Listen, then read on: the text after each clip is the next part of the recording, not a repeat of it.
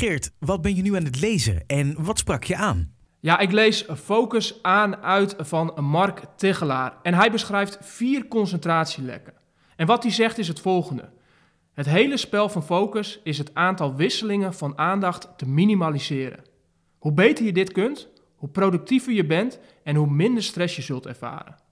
Om dat te bereiken is het goed om te weten welke vier factoren ervoor zorgen dat we wisselen met onze aandacht. Deze concentratielekken hebben elk hun eigen manier om onze focus onderuit te halen. En ik deel even de vier concentratielekken heel kort met je. Concentratielek 1 is te weinig prikkels. En daarvan zegt de schrijver: Onze hersenen zijn gebouwd om optimaal benut te worden en wanneer iets te langzaam, te simpel of te saai is, gaan ze automatisch op zoek naar extra prikkels. Concentratielek 2 is te veel interne prikkels. Weet je, we geven vaak onze telefoon, e-mail en collega's de schuld van ons gebrek aan concentratie, maar wist je dat we een kei zijn in onszelf afleiden, zegt de schrijver. In de helft van de gevallen dat we onze focus verliezen, komt dat door onszelf. Dat was concentratielek 2. Concentratielek 3 is te weinig brandstof. En daarvan zegt de schrijver: Wanneer we moe zijn, functioneert onze personal assistant slechter. Die kan dan minder goed beslissen of iets belangrijk is of niet, en zal om die reden meer prikkels toelaten. En tot slot concentratielek 4. Te veel externe prikkels. Dit zijn onze telefoon, e-mail en collega's.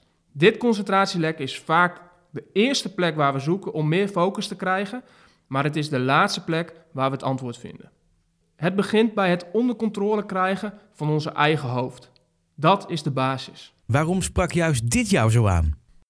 Ja, vier concentratielekken beschrijft Mark Tigelaar. En laten we heel eerlijk zijn, ik herken ze alle vier. Uh, en waarschijnlijk jij ook. En als ik kijk naar alle coachgesprekken die ik heb gehad, die betrekking hadden op het thema focus, nou dan kan ik ze zeker ergens in een van deze hokjes plaatsen. En misschien is dat ook wel een goed beginpunt om te herkennen waar het misgaat. Om te weten waar het lek zit. Want voordat je iets kunt gaan fixen en kunt gaan dichten, nou is het natuurlijk goed om te weten, ja, waar gaat het fout? En hoe concreter je dat weet, hoe specifieker, hoe gerichter je vervolgens actie kunt ondernemen. En zo lees ik dit stuk ook. Door bij mezelf en de praktijk, wat ik zie bij anderen, na te gaan wat ik zie gebeuren, waar het fout gaat.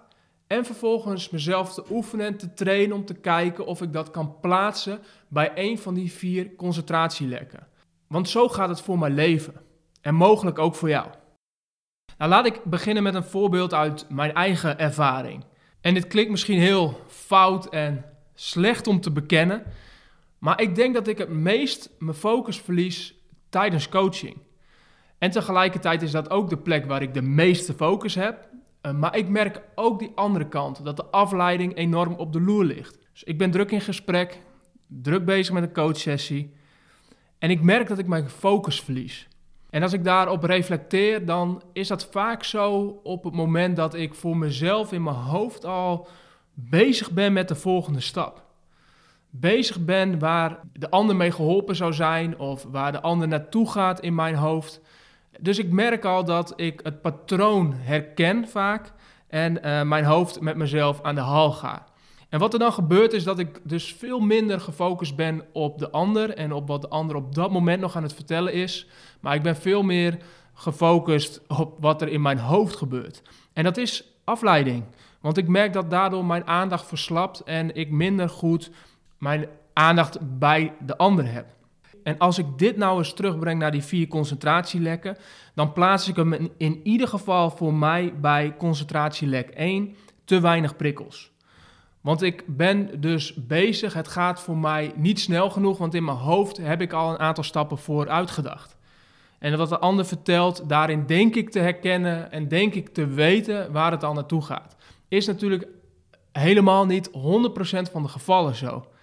Maar doordat ik goed ben in het doorzien van patronen, ik heel veel gesprekken voer, dus ook heel veel patronen voorbij hoor komen. En daarnaast ook ja, eigenlijk een slachtoffer wordt van je eigen ervaring, want je hebt het gewoon al vaker doorlopen en processen herkend. Merk ik dat mijn hersenen gewoon al automatisch snel een paar stappen vooruit denken. En dat is wel logisch, alleen het leidt ook heel erg af. Dus te weinig prikkels zorgt ervoor dat ik afgeleid ben. Maar dit is niet het enige, want ik kan het ook nog plaatsen in een ander vakje, een ander concentratielek. Want het andere wat ik merk is dat ik te maken heb met te veel interne prikkels. En dit is concentratielek 2. Want als iemand al iets met mij deelt, gaat het bij mij van binnen al gelijk lopen. De computer gaat aan en ik denk gelijk actief mee. Dus het luisteren en de informatie die je krijgt, de input die je krijgt, zorgt er ook gelijk voor dat ik meedenk en actief op zoek ben naar een volgende stap in het proces van diegene. En dat zorgt ervoor dat ik eigenlijk heel veel interne prikkels bij mezelf heb. Want ik ga volledig aan en mijn aandacht gaat minder uit naar buiten, naar de ander en naar het gesprek met de ander, maar veel meer naar binnen toe. En dat is een afleiding. Dat zorgt ervoor dat ik minder gefocust ben op wat er op dat moment echt daadwerkelijk gebeurt. In het hier en nu.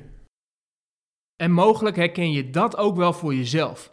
Dat je aan de ene kant merkt dat door juist zelf snel na te denken en doordat je goed bent in wat je doet en je iets al vaker hebt gedaan, dat je daarmee snel resultaat kunt boeken, maar dat het tegelijkertijd ook een grote bron van afleiding is geworden. En dat je eigenlijk sneller verveeld raakt. En kijk, dit is natuurlijk zomaar even een greep uit een van mijn eigen ervaringen. Mogelijk herken je het ook bij jezelf, maar er zijn zoveel verschillende voorbeelden te bedenken uit de praktijk. Wat ik hiermee wil aangeven is hoe je dus kunt spelen met die vier concentratielekken en dat weet te vertalen naar jouw eigen praktijk. Dus de kunst is om voor jezelf te bedenken waar gaat het mis, waar verlies ik de focus en waar raak ik afgeleid. En dan te bedenken, hey, bij welke van die vier concentratielekken die Mark Tichelaar beschrijft, past die afleiding? Maar wat ik dus bij mezelf al merkte, is dat het niet per se hoeft te vallen onder één concentratielek, maar dat het ook onder andere vakjes kan vallen. Dus dat er meerdere concentratielekken op hetzelfde moment gaande zijn. En zodra je dat weet te herkennen, heb je de eerste stap gemaakt. Nog geen oplossing, dat snap ik, maar daar geeft de schrijver zeker ook tools en handvatten voor. Dus blijf luisteren, dan kun je ook kijken wat je er precies aan kunt gaan doen. Oké, helder. Bedankt voor het delen. Ja, graag gedaan. Jij bedankt voor het luisteren. En als we het dan toch hebben over delen, dan wil ik je nog het volgende vragen. Als deze podcast jou iets van waarde heeft opgeleverd, dan wil ik je vragen om deze podcast te delen met één iemand uit je omgeving waarvan je weet dat hij of zij hier ook iets aan heeft. Dankjewel en tot de volgende keer.